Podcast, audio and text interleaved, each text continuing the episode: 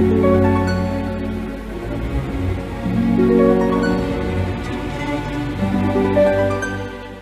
Pisces, saya dengan Madam Aza. Kita bacakan sekarang kartu tarotnya. Yang pertama adalah untuk karir, bisnis, dan juga peruntungan Pisces.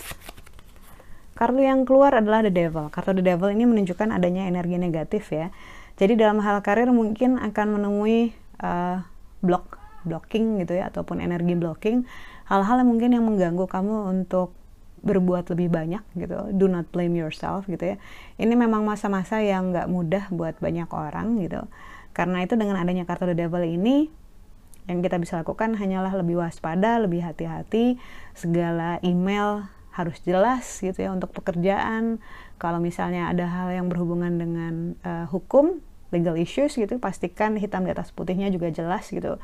Jangan uh, berinvestasi, berbisnis di bidang yang abu-abu ataupun nggak jelas ataupun ada kemungkinan ditipu yang besar gitu. Karena itu ya paling bagus ketika kartu ini keluar kita bermain aman. Lalu untuk percintaan Pisces, kartu yang keluar adalah The Universe. Kartu Universe ini menunjukkan semesta.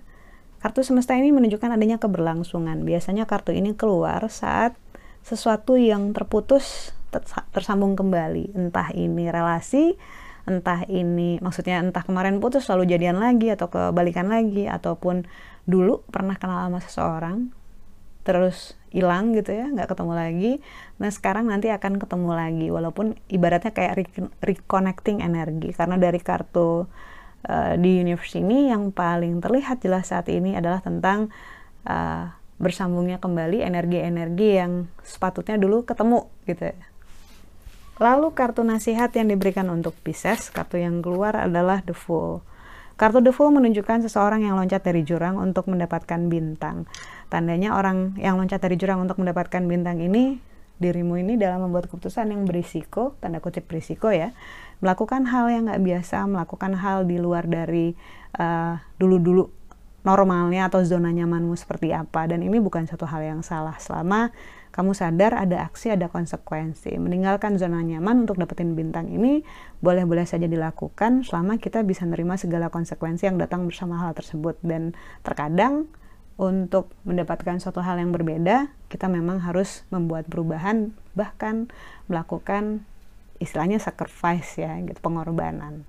Sekian bacaannya, semoga bermanfaat. Kita doakan yang terbaik saja untukmu. Semoga sehat selalu, panjang umur, kaya raya, bahagia, berkelimpahan, segala hal yang baik dari Tuhan Yang Maha Esa. Terima kasih bantu saya dengan cara di klik like-nya, subscribe, share, dan juga komen.